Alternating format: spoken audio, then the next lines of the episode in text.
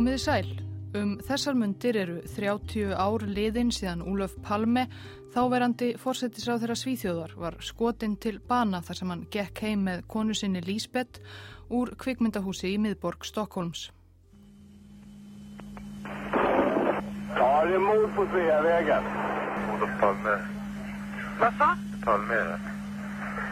Olof Palme.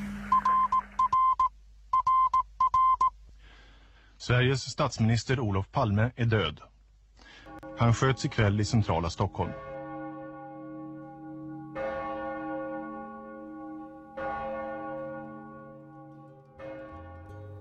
Í síðasta þætti í ljósi sögunar fyrir viku fórum við yfir atburðarás kvöldsins sem morðið var framið 28. februar 1986.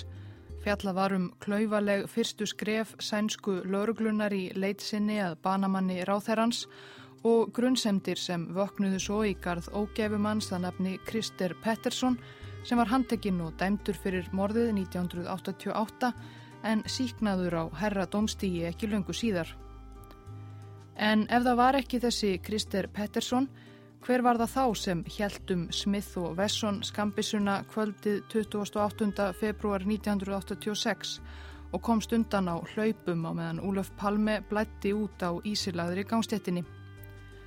30 ár eru liðin og enn bólar ekkert á morðingjanum, en sænska lauruglan og aðrir sem hafa látið sig málið varða hafa vissulega rannsakað fleiri ánga, bent á fleiri möguleika og sett fram ímsar kenningar. Ágæti hlustandi í þessum síðari þætti um morðið á Úlöf Palme höldum við áfram að fjalla um rannsókn sænsku lauruglunar á málinu og lítum á nokkra hugsanlega sökudólka sem nefndir hafa verið til sögunar.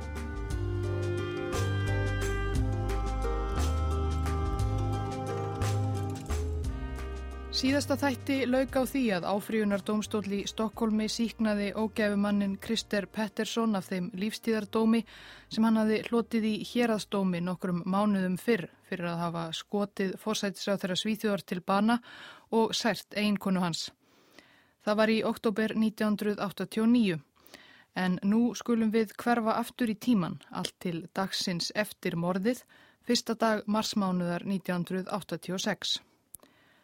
Það var ekki hvaða lögga sem er sem þá tók við stjórn rannsóknarinnar á morðinu og Úlöf Palme.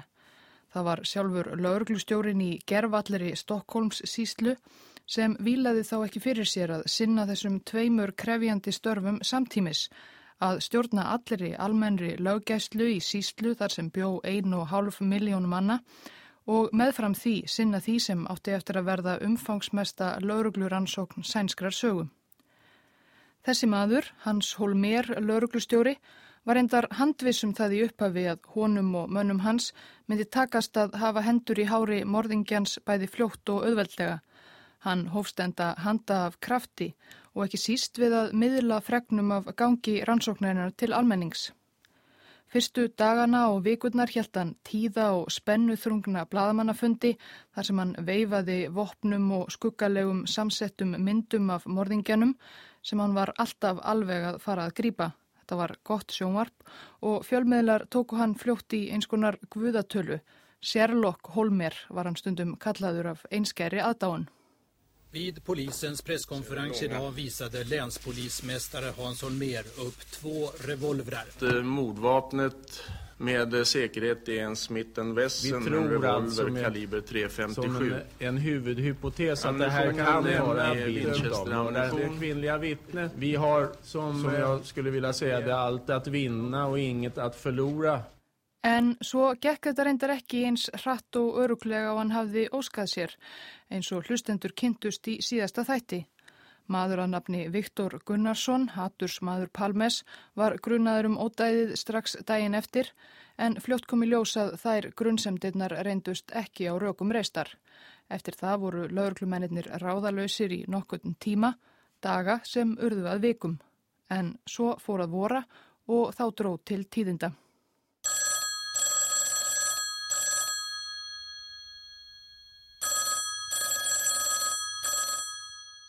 Þetta byrjaði allt á því að lauruglustjóranum sjálfum barst símtal. Hann svaraði reyndar ekki sjálfur heldur einhver í móttökunni hjá lauruglunni. Það var 13. mæ 1986, seintum kvöld. Maðurinn á hinumenda línunar talaði með sterkum finskum hreim. Það drafaði í honum. Hann var greinilega undir talsverðum áhrifum áfengis. Finnin saðist hafa mikilvægar upplýsingar að færa Hans Holmér lauruglustjóra en svo langt var liðið á kvöldið að lauruglustjórin var farin heim. Þar að auki vildi Finnin í símanum síður gefa þessar mikilvægu upplýsingar upp í síma. Það varð úr að Finnin kom sjálfur upp á lauruglustöðuna á Kungshólmen í miðborg Stokkons en síðar um kvöldið. Lauruglumadur á vakt tók þar niður frásögn hans og morgunin eftir lendi skýrslan á borði Hans Holmér, lauruglustjóra. Sangvað tí sem lauruglustjórin sjálfur skrifaði síðar í bóksinni um palmeransóknina, lasan skýrsluna um nætur heimsókn drukna Finnans á lauruglustöðuna af áfergju morgunin eftir og hann sá strax í hendi sér að hér væri hann komin með eitthvað mjög merkilegt í hendur, pústlið sem vantaði. Nú væri hann komin á sporið.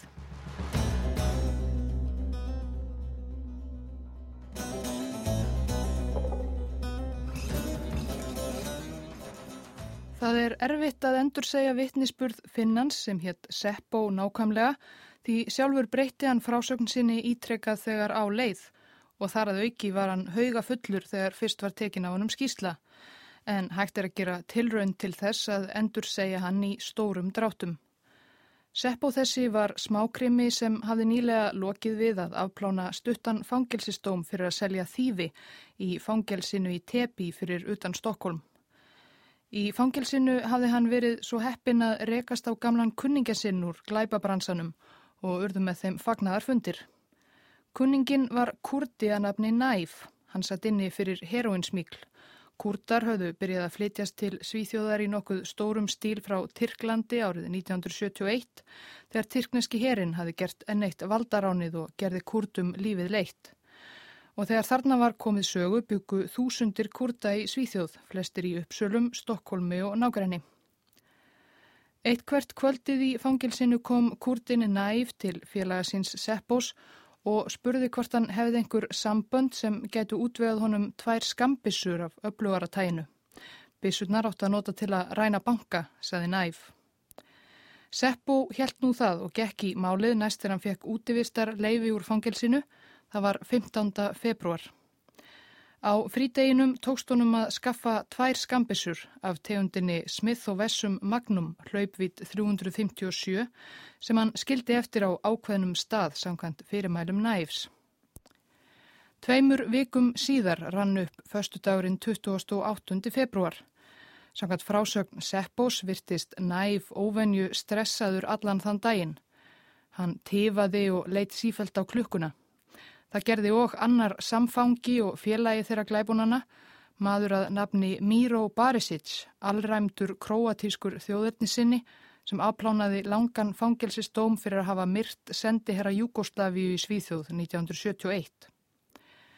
Þetta kvöld þann 28. februar var Úlof Palme fórsættis á þeirra Svíþjóðar skotin til bana í miðborg Stokkólms með Smith og Wesson Magnum Skambissu hlaupvít 357.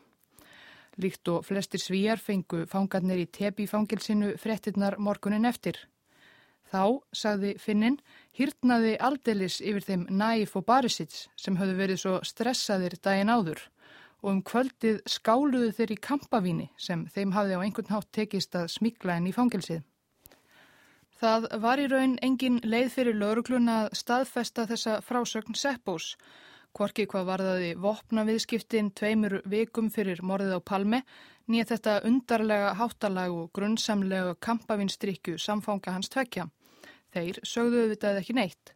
Barisits þessi var vissulega annálað ílmenni sem hafði hatast út í Palme líkt og aðra fulltróa sænskra yfirvalda sem hafðu sett hann bak við lás og slá en erfiðara var að sjá hvers vegna kurtíski eiturlefjasmíklarinn Næf hefði endilega átt að vilja forsættisráður hann fegan. Vittnisspurður fulla finnans Seppús var bara ein af ótal ábendingum sem streymdu inn á borð sænsku lauruklunar á fyrstu vikunum eftir morðið á Palme. Allir höfðu nóg að gera. Þarna um miðjan mæ 1986 hafðu laurglumenn þegar haldið 9.062 yfirheyslur í tengslum við málið og farið í gegnum 24.340 ábendingar. En af einhverjum ástæðum fekk Hans Holmér lauruglustjóri einmitt þessa ábendingu beint á sitt borð og af einhverjum ástæðum fekk hann hann á heilan og hún varð fljótt að helstu áherslu lauruglunar í rannsókn málsins.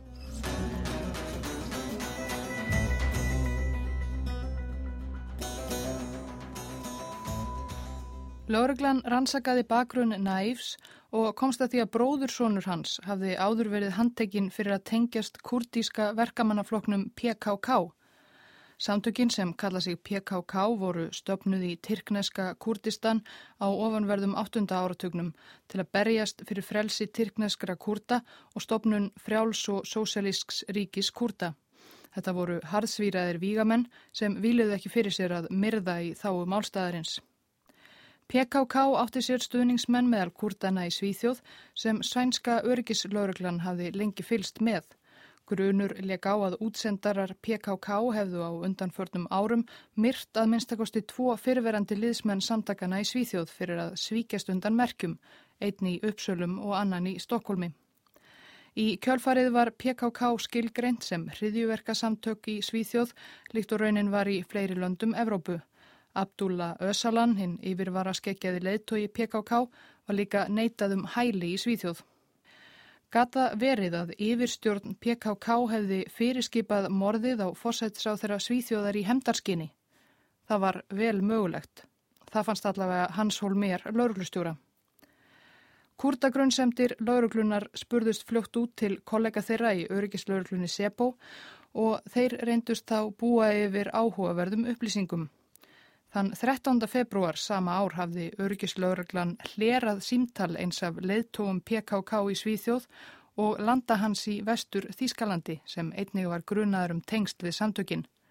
Mennirnir tveir rættu um brúðkaup nokkurt sem halda átti í náinni framtíð og í mis atriði varðandi skipulagningu þess. En það verður að viðurkenna stað lauslega þýtt hljómar þetta allt nokkuð skringilega. Í ára ætluðu að halda brúðkaup. Ættmenn okkar er að fara að gifta sig. Já, það verður. Það verður. Við getum auðvitað ekki skilið hann eftir eða sleppt honum. Það verður auðvitað ekkert brúðkaup án okkar. Það er að segja verði hann hana, þá gerum við þetta. Eða hvað? Jú, guð mig góður. Við höldum brúðkaupið á götunni. Hmm. Þetta brúðkaup eigum við ekki að láta verða því. Auðvitað, auðvitað. Við höldum brúðkaupið. Hvað sem áteinur. Auðvitað, auðvitað. Það kvarlaði auðvitað að hlerunar sérfræðingum lauruklunar að mennirnir væru í raun og veru ekki að undibúa brúðkaupsveislu. Þetta væri dullmál. Þeir væru að ræða fyrirhugað morð og ekki bara eitthvað morð heldur morðið á Úlöf Palme.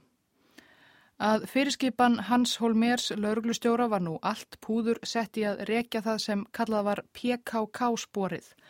Í raun var eiginlegri rannsókn á morðinu og Úlöf Palme íttað mestu til hliðar á meðan. Það er að segja svona hlutum eins og tæknilegri rannsókn á ummerkjum og vettvangi, yfirherslu vittna og svo framvegis. Þessi stað áttu lauruglumennir í rannsóknarteiminu að kortleggja starfsemi kurdíska verkamannaflokksins, liðsmanna hans og stuðningsmanna í Svíþjóð og fleiri löndum í vestanverðir í Evrópu. Hans Holmér var þess fullvisum að hann væri á réttri braut. Þó hann hafði ekki enn gert kurdakenningu sína ofinbera, sáðist hann í fréttaviðtali um þessar myndir vera orðin 95% vissum það hverjir stæðu að baki morðinu og palmi. Meðal þess sem Holmer og menn hans sísluðu við á þessum tíma var að hlera síma ótal sænskra kurda og ekki alltaf með alveg löglegum hætti. Holmer lauruglustjóri var ekki yfir það hafinn að fara aðeins á sveig við reglunar. Það mátti enda engan tíma missa. Hólmer saðist nefnilega síðar hafa verið handvissum að kurdískir hriðiverkamenn hegðu á fleiri óhæfuverk á sænskri grundu á hverri stundu. Morðið á Úlöf Palme hefði bara verið byrjunin á hemdaraðgerðum kurda. Fjöldi sænskra fyrirmenna geti verið í bráðri lífsætu. Og hann sjálfur þar á meðal. Hólmer let setja skotelt gler í alla glukka á skrifstofum Palmehópsins svo nefnda sem fór með rannsókn morðsins. Hann kom sér upp sérstöku og sérvöldu lífvarðateimi sem hann útbjó með nýjasta og flottasta vesturþíska vopnabúnaði, Kaup sem voru ekki heldur gerð alveg samkvæmt innkaupareglum lauruklunar en meira verður vikið að þeim viðskiptum síðar í þættinum. Hápunktunum var náð snemma morguns sann 20. janúar 1987. Tæpir 11 mánuður voru liðnir frá morðinu á forsættis á þeirra svíþjóðar. Nú réðst Hans Holmér gegn kurtunum sem hann var vissum að hefðu myrt Palme með því sem hann kallaði Alfa aðgerðinni, Opera Hún Alfa, stærstu einstöku lauruglu aðgerð sænskrar sögu fram að þessu. Árladags þennan janúar morgun réðust týjir lauruglumanna samtímis með byssurnar á lofti inn á heimili 26 sænskra kurta sem grunnaðir voru um að tengjast PKK, handjárnaðu þá og færðu til yfirheyslu. Leitað var í ótal íbúðum og húsakinnum og hald lagt á gríðalegt magnaf bókum og bæklingum um marxisma og kurdísku. En ekki fannst neitt sem tengdist morðinu á Úlöf Palme og ekki var heldur hægt að tengja neitt þeirra handteknu við morðið, jáfnvel eftir langar og ítarlegar yfirheyslur. Flestir voru reyndar látnir lausir strax upp úr hádegi. Örfám var haldið lengur í nokkra daga en fljótlega var ljóstað alfa aðgerðin hafði gjörsamlega mislukast. Mánuði síðar sagði Hans Holmér með skömm af sér sem yfirmaður palmeransóknarinnar og lauruglustjóri í Stokkólmsíslu.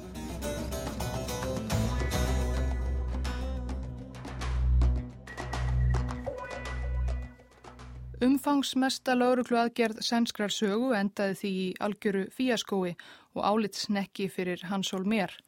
En hann var reyndar ekki af baki dottin. Hann var þess enn fullviss að kurtískir hermdaverkamenn hefðu grandað palmi og hann ætlaði sér að sanna það. Hans Holmér stóði í skilnaði á þessum tíma. Konan hafi hendunum út og hann bjó heima hjá gömlum vini sínum, forleggjaraða nafni Ebbe Karlsson. Ebbe þessi var merkileg persóna.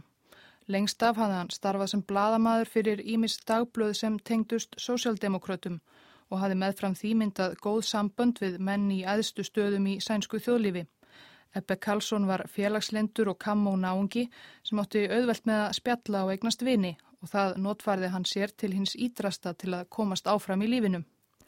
Hann hafði til dæmis bara stund að það að hanga hér og þar um stjórnaráðið Rúsenbad var þar eins og grár köttur þar til allt í einu var hann lendur eins og fyrir tilviljun inni í innsta ring sænska jafnaðamannaflokksins inni á skrifstofu hjá sjálfum forsætisráþuranum. Þannig hafði honum meira segja tekist að mjaka sér í starf einhvers konar spunameistara dómsmálaráþara um tíma. Þegar þarna var komið sögu var Ebbe hættur í pólitíkinu og farin að vinna á bókaforlægi eða svo átti það að heita. Hans Holmér ákvað samt sem áður að þessi félagi hans með sín góðu sambönd hér og þar væri rétti maðurinn til að taka við rannsókn á palmemorðinu og þætti kurdískra hriðuverkamanna í því.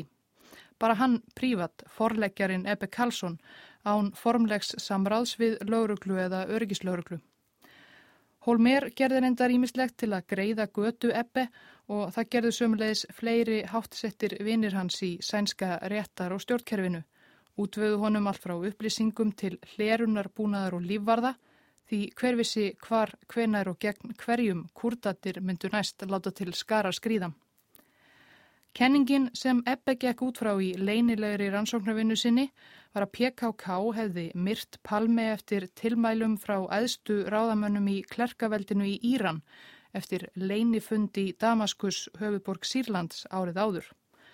Ástæðan væri að Palme hefði komist á snóðir um leinilega sölu sænska vopnaframleðandans Bófors á nýjustu eldflögavarnartækni til Írans og komið í vekk fyrir viðskiptin.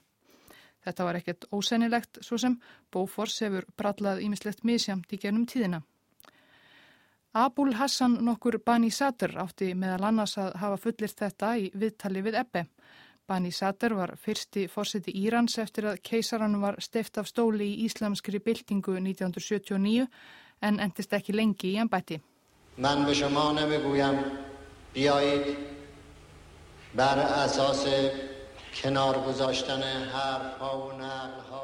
Hann var veraldlegur hagfræðingur og lendi fljótt upp á kant við klerkana sem fóru með stjórn hins nýja Írans og æjatólan sjálfan. Þingið setti hann loks af og hann röklaðist á flótta til Fraklands eftir eitt og hálft ár í ennbætti. Það var í útlegðin í París sem Ebbe hitti Bani Sadr. Til þess að leinilökan Ebbe gæti sem best sint rannsókn sinni á erlendri grundu hafði hann með hjálp hátt settra vina sinna í stjórnkerfinu retta sér ímsum meðmælabrefum til að sína yfirvöldum í Fraklandi og víðar. Meðal annars fekk hann bref frá þáverandi dómsmálar á þeirra önnu Gretu Leijón. Götublaðið Expressen komst á endanum á snóðir um leiniransókn Ebbes. Hann fór kannski ekki alveg nógu lengt með hana og sagði frá í forsiðu grein í júni 1988. Það vakti mikla aðtikli. Hvernig í óskupunum gæti einhver forleggjari út í bæ verið að rannsaka palmemorðið að því er virtist með velþóknun sænskra stjórnvalda. Og eins og það var ekki nóg þá gerðist það sama dag og Ebbe lendi á forsíðu Expressen að náinn samstagsmaður hans í leinilegu rannsókninni var stoppaður í tollinum í Helsingjaborg á leið frá Danmörku. Hann var með bílinn fullan af nýtískulegum hlerunargræjum sem eflust átti að nota til að njóstna um einhverja grunnsamlega kurta og engin tilskilin leifi fyrir slíkum búnaði. Þetta varð heljarinnar skandal sem endaði með því að bæði dómsmálaráþrann Anna-Greta Leijón og þáverandi ríkislauglustjóri Svíþjóðar sögðu af sér. Engin árangur hlaust af leinilegri rannsókn Ebbes og kurta grunnsemdirnar voru lagðar til hlýðar.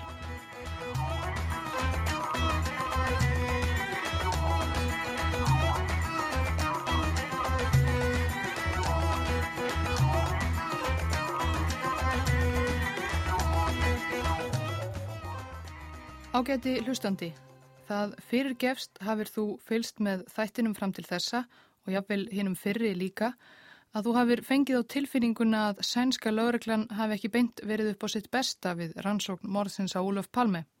Það má allavega benda á ótal mistök og misgáfulegar ákvarðanir lögreglunar viðsvegar í henni löngu rannsókn málsins. Getur það verið að rannsóknin hafi í alvöru bara verið klúður á klúður ofan eða var kannski vísvitandi reynd að skemma fyrir málsansókninni.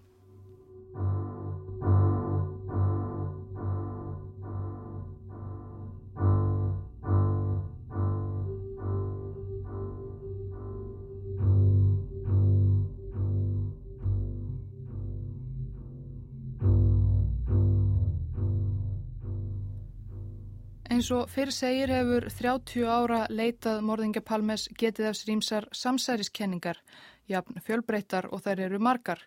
Eins og allra lífsegasta er að morðingi Palmes hafi sjálfur komið úr röðum lauruglumanna eða verið fyrverandi lauruglumadur eða að morðið hafi jafnvel verið afrakstur þölskipulaðs samsæris hóps manna innan lauruglunar. Dagana eftir morðið bárust lauruglu margar ábendingar um að sérstæði til lauruglumanna í kringum morðstæðin kvöldið 28. februar, lauruglumanna sem hegðuðu sér grunnsamlega, dular fullra manna sem muldruðu eitthvað í talstöðvar. Af hverju gekk allt svona brösulega á fyrstu stundum rannsóknarinnar? Af hverju var lauruglan ekki fljótari á staðin eftir að Palmi var skotinn? Af hverju náði fyrsta símtal vittnis á vettvangi til neyðarlínu aldrei í gegn til lauruglunar? 90 000. Ja, det är mord på Sveavägen. Prata med polisen. Mord på Sveavägen. Ja, vad ringer? Ja, vad kul. Jag bara, vi hörde vad en post. Sögusagnir eru um að lauruglumenn hafi haldið leynilega fundi hér og þar í Stokkólmi dagana fyrir morðið og hátt settir lauruglumenn hafi sleið upp veistlu daginn eftir morðið þar sem skálað var fyrir láti fórsætisráþurans. Ekki skal fullirt hér neittum sannleiks gildi þessara sögusagna en vitað er að innan sænsku lauruglunar voru á þessum tíma þó nokkrir lauruglumenn sem neyðust langt til hægri þjóðerni sinnar og beinlinis nazistar, jáfnvel skipulaðir hópar nazískra lauruglumanna sem hittust reglulega til að borða saman á drekka, heilsað nazistasíð og ræða orð og gjörðir Adolfs Hitler. Þeir lögðu auðvitað fæða Úluf Palme og varðla hefur hýrnaði yfir þeim þegar jafnaðmannaflokkurinn sigraði í þingkostningum 1985 og allt útlitt var fyrir að Palme sæti í mörg á renn. Þeir höfðu líka auðvitað aðgangað vopnum og kunnáttu til að nota þau og gáttu auðveldlega komist á snóðurum ferðir fórsættisráþurans og þann síð hans að fara í leifisleysi um Stokkólm án lífvarða sinna. En var þeim nógu íllafið palmi til að leggja á ráðinum að koma honum fyrir Katarnef.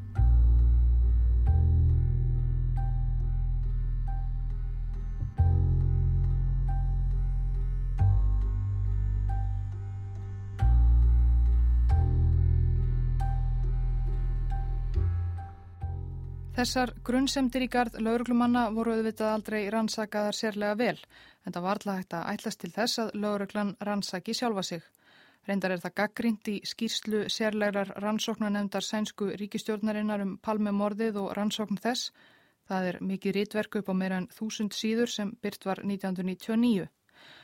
Það hefði farið betur á því, segir í skýrslunni, hefðu yfirvöld kannad þennan ánga málsins nánar á sínum tíma þó ekki nema til að slá á grunnsemdir almennings og allra þeirra áhuga spæjara sem eitt hafa árum og áratugum í að leita morðingjans í frítíma sínum. Hjá slíkum típum nýtur lauruglukenningin talsveðra vinselda og mun líklega senkt degja út. Ekki er þó eftir að neyta því að menn sem tengjast lauruglunni hafa verið teknir til rannsóknar í tengslum við morðið á Úlöf Palmi Til dæmis má nefna mann okkur sem í umfjöllunum palmemorðið er yfirleitt kallaður upphafstafnum Ö. Ö þessi var lauruglumadur um ára bil, liðsmaður í allræmdri gödulökusveit sem Hans Holmér, lauruglustjóri í Stokkólmsíslu, hafi sjálfur stopnað til að halda upp í lögum og reglu í miðbænum. Sveitin gekk reyndar svo hart fram gegn smákrimum, rónum og fíklum og öðrum góðkunningum gödunar að erfitt er að kenna slíkt hátarlag við lög og reglu Þeir hygguðu sem sagt ekki við að ganga í skrokk á fólki og dæmi eru um að fólk hafi ekki lifað af kynni sín við þessa tilteknu lauruglusveit. Margir þessara óbældisfullu lauruglu þjóna voru líka öfgafullir hærimenn og þar á meðal var téður Ö. Snemma í rannsókninni á morðinu á Úlöf Palmi hóðu borist naflösar ábendingar um Ö, fleiri en einn, að Ö hataði Palmi og jafnaði menn almennt að hann ætti íbúð skamt frá götuhorninu þar sem síðast sást til morðingja Palmes á flóta. Að þar heima hjá sér ætti hann bæði Smith og Wesson Magnum skambissu og eintak af Mein Kampf eftir Adolf Hitler. Ö var yfirheyrður vegna þessa en bara stuttlega, lítið meira kom út úr því, engin eftirmál. Þó var hann með mjög gödóta fjárvistasönnun kvöldið sem Palmem var myrtur. En hann átti líka eftir að dúka upp aftur síðar í sögunni endalöysu af rannsókn Palmemorsins og þá á allt annan hátt. Ö hætti í lauruglunni hösti 1986 og stopnaði sitt eigið fyrirtæki sem flutti inn vopn og ímsan löggæslubúnað. Það fyrirtæki öðlaðist fljótt einn góðan viðskiptavinn, svo góðan viðskiptavinn að hann varð svo gott sem eini viðskiptavinnur fyrirtækisins. Það var Hans Holmér, lauruglustjóri og yfirmaður rannsóknarinnar á morðinu á Ólaf Palmi. Það var fyrirtæki þessa ÖS sem útvegaði skottheldaglerið á skrifstofu Palmi Hópsins sem fyrr hefur við greint frá og Holmér taldi sig þurfa þar sem hann væri á dauðalista kurdískra hriðiverkamanna og það var fyrirtæki ÖS sem útvegaði búnað og vopn lífvarðana sem fyldu Holmér hvert fótmál með allra nýjustu og fínustu talstöðvar, skotheld vesti og öfluga skambisur. Hólmér kefti þetta allt beint af vög og án þess að flækja málið með því að fara að innkaupa reglum lauruglunar eða bera í raun viðskiptinn undir neitt. Slapp ög kannski við ítarlegri rannsókn vegna náina tengsla sinna við aðsta mann morðaransóknarinnar var Hólmér sjálfur eftir vill viðriðin samsærið.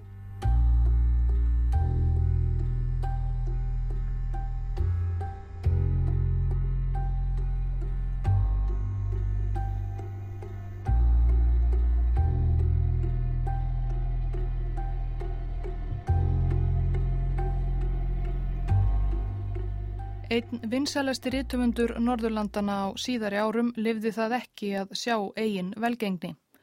Hér er að sjálfsögðu átt við Stíg Larsson sem skrifaði þríleikin kentan við Millennium um þau Lísbeth Salander og Mikael Blomqvist, bækur sem síðar urðað vinsælum spennumyndum ekki bara í Svíþjóð heldur líka í Hollywood. Can I call you Lisbeth? I want you to help me catch a killer of women. Bækurnar skrifaði Larsson í hjáverkum Að degi til vann hann sem bladamadur og síðar rittstjóri tímaritsins Expo sem helgaðir greinum gegn rasisma og hægri öfgastar sem í Svíþjóð. Eins og við höfum heyrt átti Palme sér ófáa ákafa hatursmenn á hægri vagnum og margir hafa velt fyrir sér hvort að einhverjir slíkir hafi orðið honum að bana og þar á meðal var Stík Larsson. Um þetta leiti árs fyrir tveimur árum, þegar 28 ár voru liðin frá morðinu á Úluf Palme, byrti svenska dagblæðið grein á forsíðu, leinileg Palmeransókn Metsöluhöfundarins, hljóðaði fyrirsögnin. Dagblæðið hafi fengið aðgangað 15 kossum af skjölum úr dánarbúi Larssons, afrakstur margra ára enga rannsóknar hans á morðinu. Upplýsingar sem ekki að Larssons segir að hann hafi látið lauruglunni í tíu á sínum tíma, en hún veriðist lítið hafa gert við þær. Larsson hafði áður en hann byrjaði að vinna hjá Expo skrifað fyrir brest tímaritanafni Searchlight sem einnig berst gegn hægri öfgamönnum og rasistum og í gegnum samstagsmenn sína á Searchlight hafði hann fengið ábendingu ekki löngu eftir morðið á forsætsráðhrannum. Breti sem átti sér fortíð innan öfga hægri sinns en síðar sagt skilði við þær kreðsur og gengið til liðs við leinithjónustuna MI6 hafi verið á Kýpur. Þar hafði hann reykist á svíjaðanafni Bertil Vedín sem greinilega aðhylltist skoðanir langt, langt til hægri og leinithjónustumannin tók smátt og smátt að gruna að gæti verið viðriðin morðið á Palme. Larsson rannsakaði bakgrunn Vedíns og þar var margt gruggugt að finna Hann kallaði sig Bladamann en árið 1982 hafði hann verið handtekinn í Lundunum, grunaður um að hafa tekið þátt í innbroti á skrifstofu Afríska þjóðaráðsins sem barðist fyrir réttindum Suður Afríska blökkumanna þar í borg. Hann var að endingu síknaður en viðurkendi þó í réttarsal að hann starfaði vissulega fyrir Suður Afrísku leinithjónustuna. Hann sagðist að hafa komist í það í gegnum Suður Afrískan kunningasinn mann sem einnig var grunaður um aðild að sama innbróti. Sá maður hétt Craig Williamson. Hann hafi verið yfirmaður í henni harðsvíruðu lauruglu suðurafrísku aðskilnaðarstjórnarinnar áður en hann gerðist leinithjónustumadur og vann yfirleitt Erlendis. Sem slíkur er vitað að hann framti ótal óhæfiverk víða um heim, ekki bara innbrott heldur líka mannrán og morð.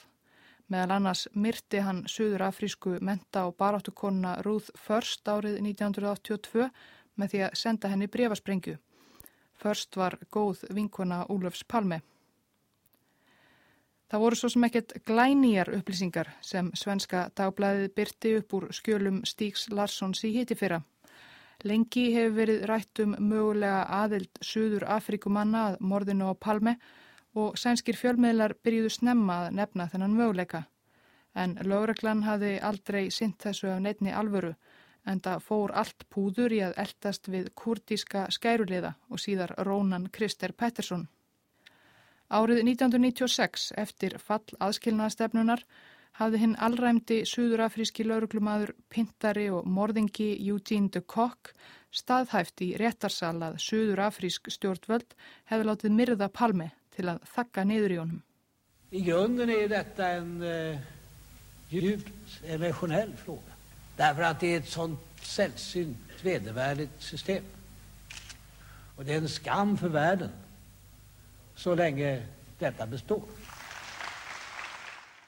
Við heyrum eina af síðustu ræðum Ólafs Palmi. Þetta er 23. februar 1986 og hann ávarpar ráðstefnu gegn aðskilnaðastefnunu í Suður Afríku sem hann kallar viðbjóðslegt kerfi og skömm á allir í heimsbyðinni. Palme var um árabil hispurslaus anstæðingur aðskilnaðastefnunar og kvítra herra í Suður Afríku. Á stjórnartíð hans stuttu svíjar afríska þjóðaráðið með ríkulegum fjárútlátum og Palme helt ófáaræður þar sem hann úthúðaði stjórnvöldum í Pretoríu. Hann var því ekki beint vinsæl þar á bæm. Í réttarsal gekk Eugene de Kock svo langt að nefna mannin sem hann sagði hafa skipulagt morðið á Palme. Það var fyrirvenandi kollegi hans í Suður Afrísku lauruglunni, fyrir nefndur Craig Williamson. Það er raunar staðfest að Williamson var í Stokkólmi dagana í kringum þann 28. februar 1986 þegar Úluf Palme var skotin í bakið á horni Sveavegs og tunnelgötu í miðborginni. Hann gisti á hóteli aðeins spottakorn frá heimili Palmehjónana í Gömluborginni. Craig Williamson hefur í sjónvarsviðtali neitað allri aðildað morðinum. No, I mean it's absurd, really. You know, I, I, I can't even comment on it. It's so, it's so stupid. Rétt er að geta þess að af framburði vitna á vettvangi er ólíklegt að Williamson hafi sjálfur myrt Palme, einfallega vegna þess að hann er mjög íturvaksinn og því ansi ólíkur öllum lýsingum vitna á morðingjanum sem komst undan á hlaupum. En hjæltan eftir villum strengina og létt annan um að vinna verkið. Það voru reyndar algeng vinnubröð Suður Afrísku leinithjónustunar þegar skipulöð voru ílvirki á erlendri grundu að láta heimamennum sjálfa framkvæmdina. Það var þannig sem Stík Larsson taldi að hinn sænski samverkamaður Williamsons, Bertil Vedín, hefði fengið það verkefni að myrða Palme. En hann hefur sömulegis neitað og segist hafa verið heima á kýpur með konunni og ekki frétt af morðinu fyrir en morgunin eftir. När eh, Palme eh, sköts i Stockholm så låg jag sov här i mitt hus vid min frus sida. Och jag fick uppgiften om mordet på morgonen 1 mars 1986 över BBC-radion när jag som vanligt slog på radion på morgonen. Og hann ítrekkaði neitunina þegar svenska dagblæði byrti Gögn Larssons um árið. Vedín býr enn á Kýpur, réttar sagt Norður Kýpur, Tyrkneska hluta eigarinnar. Hann fer aldrei heim til Svíþjóðar og sænska lauruglan hefur því aldrei yfirheistan formlega vegna morðsins á Palmi.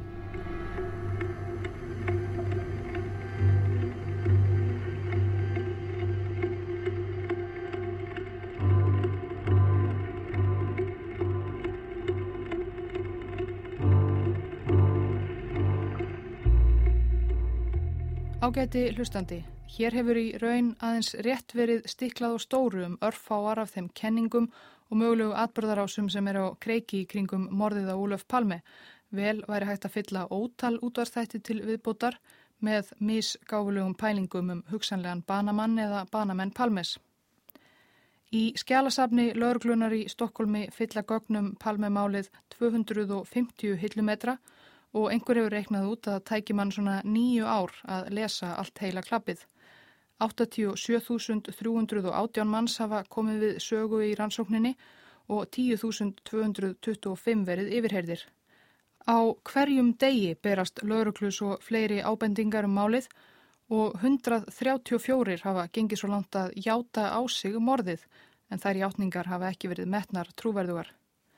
Eflaust eiga því bara fleiri kenningar eftir að koma fram á næstu árum og jáfnvel áratugum. Já, það er að segja ef einhver bregður ekki undir sig betri fætinum og leysir málið í eitt skipti fyrir öll. En það er unnar fátt núna sem bendir til þess að það sé í vændum. Eitt getum við örglega flest verið sammála um. Á nöbru föstudags kvöldi, síðasta dag februarmánaðar 1986, emitt fyrir 30 árum, var fórsætisráð þeirra Svíþjóðar Úlaf Palme Skotin til bana þar sem hann var á gangi heim úr kvikmyndahúsi í miðborg Stokkólms. Önnur kúla skrámaði eiginkona hans Lísbeth. Morðvopnið var skambissa eflaust af gerðinni Smith og Wesson Magnum hlaupvít 357. Það hefur aldrei fundist. Og morðingin komst undan á hlaupum. Hann hefur heldur aldrei fundist.